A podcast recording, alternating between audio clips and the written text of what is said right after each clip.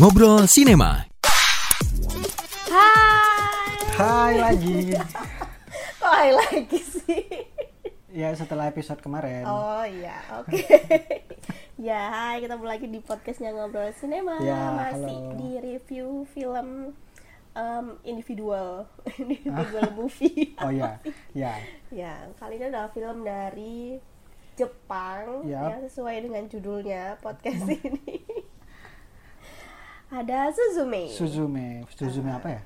Suzume no Tojimari sebenarnya. Artinya itu uh, locking door-nya Suzume. Oh Oke. gitu. Suzume's locking door gitu. Tapi kalau di luar itu terkenalnya cuma Suzume doang ya. Suzume aja, tapi di posternya emang cuma tulisan tuh Suzume gitu sih. Iya, benar. Begitu. Suzume ini adalah film animasi bikinan Makoto Shinkai, Makoto Shinkai. yang pasti kita tahu sekali dengan the Ki- iconic Ya. Kimi no Nawa, Your Name. Begitu. Ceritanya tentang apa? Tentang Suzume. Tapi saya lupa ya Suzume panjangnya. Suzume, ya Suzume kan namanya. Suzume Iwa Ru. Siapa ya? Ya itu. Iwato. Iwato. Suzume Suzume Iwato, Iwato. ini dia ketemu sama seseorang laki-laki. Habis itu ternyata laki-laki ini merupakan penutup pintu. Nah, pintu yang ditutup adalah eh, yang menghubungkan dunia kita tempati sama keberadaan cacing. Cacing Ya. Mimizu. Nah, cacing ini kalau keluar dari pintu, dia akan menyebabkan gempa. Gempa. Gitu. Makanya eh, Harus ditutup ya harus pintunya. tutup si laki-laki ini cowok ini tugasnya adalah menutup semua pintu kalau si cacing ini mau keluar gitu biar tidak terjadi bencana atau gempa Dan di seal sama ada namanya batu kunci sebenarnya yang menjaga Ya. si cacing itu untuk nggak keluar gitu. Tapi eh, gara-gara si Suzume itu eh, ini spoiler ya belum ya? ada nggak sih di trailer Nggak tahu. oh saya nggak nonton Ya, trailernya gitu. juga ya pokoknya ini spoiler ya, spoiler alert. Jadi yang belum nonton yang nggak mau kena spoiler jangan mendengarkan. Stop sampai sini dah. Terima kasih sudah mendengarkan. dan yang kamu masih stay di sini silakan ya itu jadi si, si Suzume itu apa namanya membebaskan batu kunci Mm-mm. yang akhirnya jadi si kucing si Daijin itu makanya cacingnya lepas. iya keluar Gitu. dan membuat gempa di tempat tinggalnya Suzume ini Mm-mm. tempat tinggal yang Dan beberapa tempat lainnya. makanya pengalaman apa ceritanya ini adalah eh, si Suzume membantu si Sota. Sota si cowok ini agar uh, cacingnya ini nggak keluar dengan cara menutup pintu yang tersebar di seluruh Jepang Mm-mm. gitu? Gitu. oke paling yang yang kenotis sejak awal ya filmnya Makoto Shinkai adalah visual ya Ya benar banget. visual sinematografi wah gila Wah sudahlah. Ampun ampun. iya keren banget Dan keren. deng- di film ini dibalut juga sama scoringnya yang keren banget ya. Duh. Dari awal aja Wah. udah apa namanya waktu yang pintunya kebuka di awal itu kan udah wah gila keren banget keren itu banget. boleh nggak sih kita me- memamerkan salah satu Ntar kena copyright. oh gitu ya oh nggak Hmm, usah deh nggak usah deh. Jadi udah bagus banget. Pokoknya Yang akan bikin eh, kalian setelah nonton pasti pengen searching soundtracknya. Iya. Karena saking bagusnya itu, grand gitu. di Spotify ada terus di apa Red Wimps Mm-mm. bandnya Si Red Wimps itu. Nah, terus di YouTube itu ada akun namanya tuh Suzume no Toju- Tojimari OST jadi dia tuh berisi 29 scoring termasuk Soundtrack. Ter- ya, Lagu-lagunya termasuk lagu-lagunya juga dari film Suzume ini Hmm. dan yang paling saya suka itu adalah nomor 16 itu judulnya Yang Sky something itu. ya Sky Over Tokyo Hmm. keren banget itu Itu kerasa magic gitu saya. ya. Iya. sama main soundtracknya yang keren. Mm-mm. Yang Red Wimps itu ya. Gitu. Terus eh, aku sempat baca-baca apa ya? Interviewnya Makoto Shinkai juga. Jadi kan si Makoto Shinkai ini di dua film sebelumnya, Your Name sama Weathering with You itu mengangkat tentang bencana alam gitu ya. Cuman bencananya nggak beneran kan yang si Your Name itu yang komet itu dia hanya menggambarkan eh, bencana itu lewat komet yang bisa menghancurkan eh meng, mengbumi hanguskan membumi hanguskan Meluluh meng- lantakan. meluluh lantak satu area gitu terus juga waktu yang weathering with you itu eh, banjir kan? Ya hujan. Banjir. Itu karena cuaca yang tidak menentu. Nah di Suzume ini dia menggambarkan dengan bencana beneran. Yaitu si Tohoku eh, earthquake and tsunami itu. Nah itu diceritakannya sebagai kan itu kejadian 12 tahun yang lalu 2011. Mm. dan itu di apa namanya diceritakan sebagai kampung halamannya si Suzume oh iya itu. betul Mm. jadi 12 itu tahun yang lalu. Makanya kampung halaman Suzume kan habis dan ibunya juga eh, meninggal di situ. Makanya si Suzume diasuh sama tantenya, tantanya dan pindah ke Kyushu, Kyushu.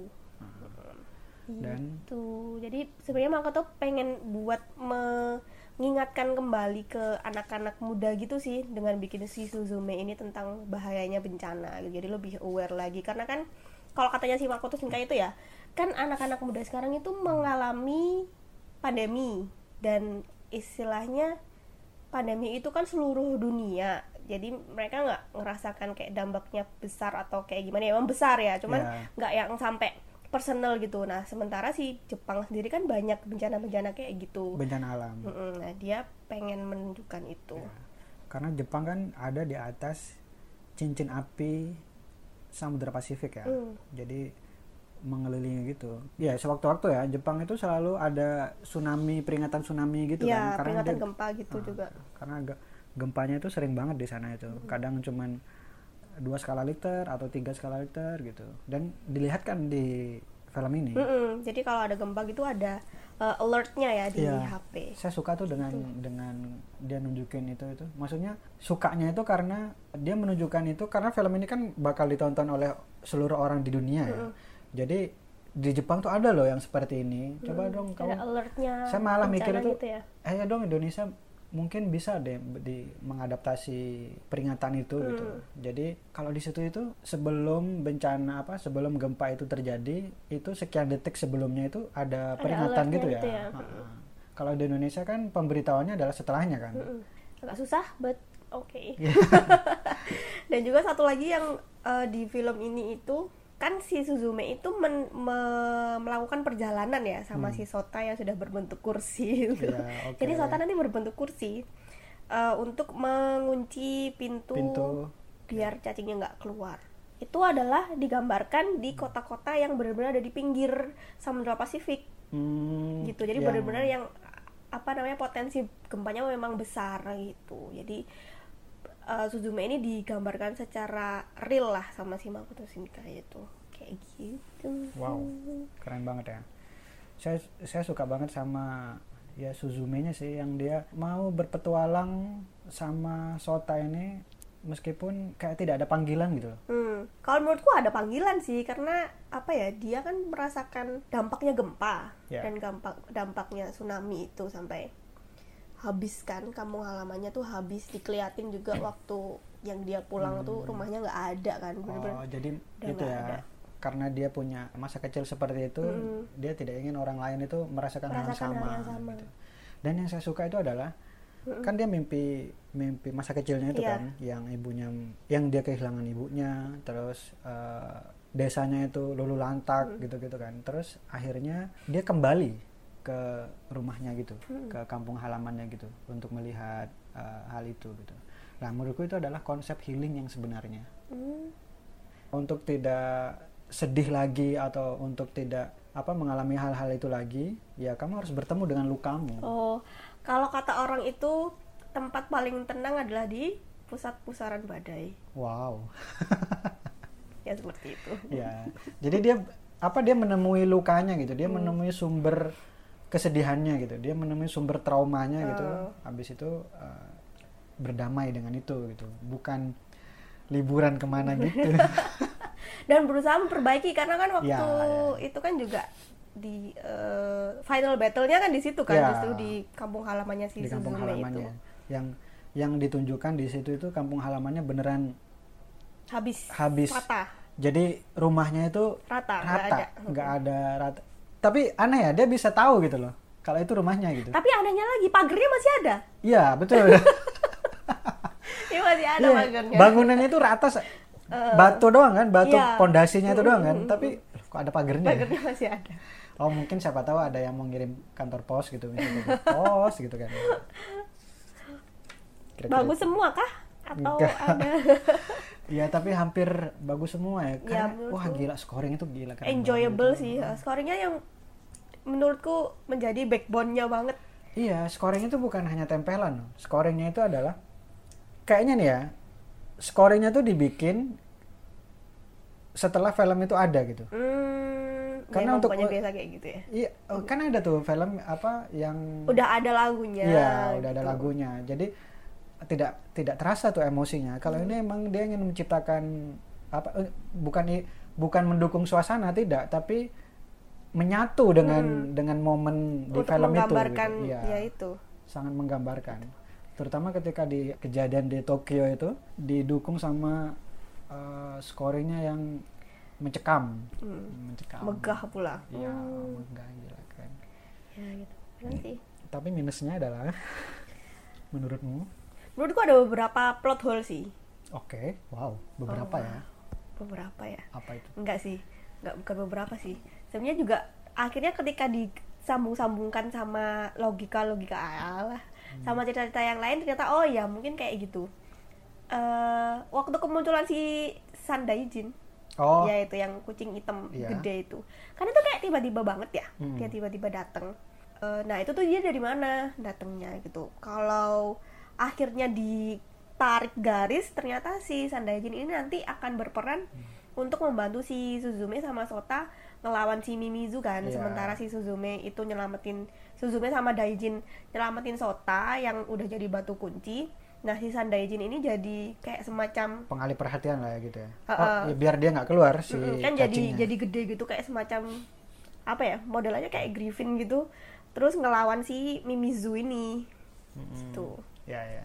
T- Tapi kamu apa mema- memahami itu setelah di akhir kan? Mm-mm, Maksudnya setelah, oh setelah ternyata mungkin Oh, karena itu iya. gitu tapi Tapi ketika kemunculannya gitu, eh, kayak ini dari mana nih Iya, anak gitu. gitu nah lucu sih nggak apa-apa sih tapi nggak apa tapi ini dari mana gitu ya kan gitu terus juga mungkin ini kita sama tersesatnya sama kayak Suzume ya si Daijin ini dikiranya kan dia jahat Iya. ternyata dia baik gitu jadi wah kayak gila. dia Ini kayaknya se- se- sebioskop gak sih? Tuh kayak ketipu gitu tapi apa namanya ternyata selama ini si Daijin justru menunjukkan pintu-pintu mana yang akan terbuka gitu kan untuk Menggayat ya. mengarahkan si Suzume untuk menutup pintu itu gitu. Iya, kayak kayak di di awal sampai bukan plot hole sih itu sebenarnya Iya. kesalahan kita aja di awal sampai tengah itu kita kayak mangkel banget ya Iya, sama si banget sih kucing kampret ini.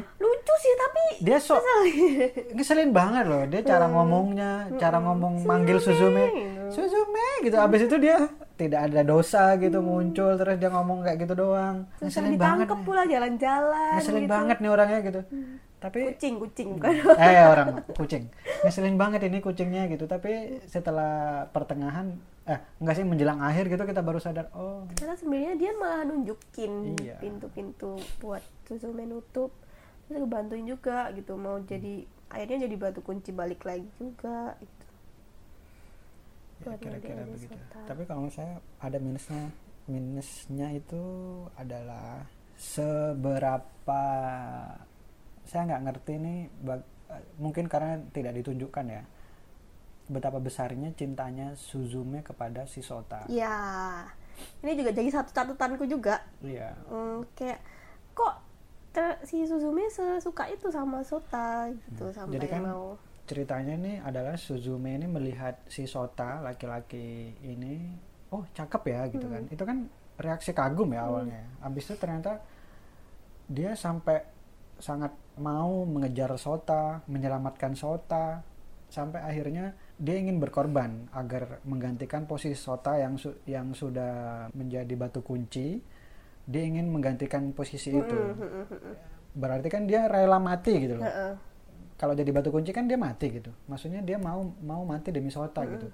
Tapi sepanjang durasi kita nggak diperlihatkan chemistry mereka berdua. Iya orang sotanya aja jadi kursi. kursi ya gimana ya? Kayak momen-momen tertentu yang sangat romantis gitu nggak ada gitu. nggak ada yang bisa Iya. melit bahwa oh nih anak suka sama Sota gitu. Jadi itu menurut wah gila kok tiba-tiba dia langsung sangat suka ya sangat sangat cinta ya sama si Sota, Sota gitu. gitu itu sih yang menurut saya mengganggu kalau Kurang saya. ya, kurang- kurang. bagi saya mengganggu tuh itu menurutku bakal lebih bagus kalau plotnya ya cuma sekedar si Suzume itu mau ngebantuin Sota dan mau menggantikan Sota karena dia punya emotionally attached sama kampung gempa halaman oh dan ya apa namanya nggak mau orang lain merasakan hal sama yang masa sama lalunya kayak gitu, gitu ya. lebih ke itu sih iya habis itu kalau menurutmu ini ada kamu sangat rekomendasikan nggak? Oh iya dong pasti dong. Tapi Suzume ini bakal tahan lama nggak sih? Kayaknya menurutku enggak sih. Menurutku ya. Why? Karena di bioskop ya? mungkin mungkin karena segmented sebenarnya Iya. si Suzume ini. Kalau di CGV mungkin bisa jadi. Mungkin tapi kalau di 21 dan ya, sekarang juga lagi banyak film yang sedang Hmm. berebutan layar ya. Ya tapi kalau dan misalnya Suzume ini lucu sih Eh, dia HTM HTM tiketnya tuh pukul rata ya harganya meskipun Nggak hari tahu sih Sabtu kalau di luar ya hari Sabtu hari Minggu juga 45.000 ribu Heeh, ya heeh. bisa sama semua gitu ya hari hari aktif biasa Aku mikirnya kayak gitu sih mungkin karena memang dia hanya ditayangkan sebentar mungkin atau seperti apa aku juga Oh, ngerti. bisa jadi. Makanya dijadiin seperti itu. Dan itu nggak promo-promo juga nggak berlaku loh. iya iya bener lagi. Skor? Itu sih. Eh, empat dari lima. Ya sama empat. Keren menurut saya. Keren. Banyak yang agak kurang eh, suka sih sama Suzume ini kalau lihat dari Twitter dan lain sebagainya gitu. Dari karakter. Suzume-nya atau filmnya? Filmnya film Suzume. Jadi banyak yang bilang kayak ini menurun dari Makoto Oh, Shinkai Shinkai yang sebelumnya gitu. Ada juga yang bilang kalau formulanya Makoto Shinkai ya gini-gini aja iya selama apa selama namanya jadi tiga kayak cewek eh, cowok, cowok sama cewek ketemu terus suka terus saling membantu. Tapi di sini nah aku juga ada yang dari interview Makoto Shinkai itu. Jadi si Makoto Shinkai itu bilang sebelum sebelumnya kan Your Name sama Weathering with You itu kan cowok menyelamatkan cewek. Kalau ini ya kan? dibalik. Kalau ini dibalik cewek menyelamatkan cowok gitu. Dan itu berpengaruh juga dari perubahan zaman cailah perubahan zaman sama katanya tuh tentang si Me Too movement itu juga. Dia Oh. terpengaruh sama itu. Jadi Oh. kayak sudah saatnya untuk mengubah apa namanya karakter. Oke. Begitu. Oke. Oke. Terima kasih. Ini terima kasih ada sudah mendengarkan. Kalau ada suara hujan. Iya ini sangat saya hujan. banget. Iya. mungkin uh, bocor sih suara hujannya. Oke kalau gitu terima kasih sudah mendengarkan. Ya review sampai jumpa podcast. di podcast. ngobrol sinema selanjutnya. Bye. Bye bye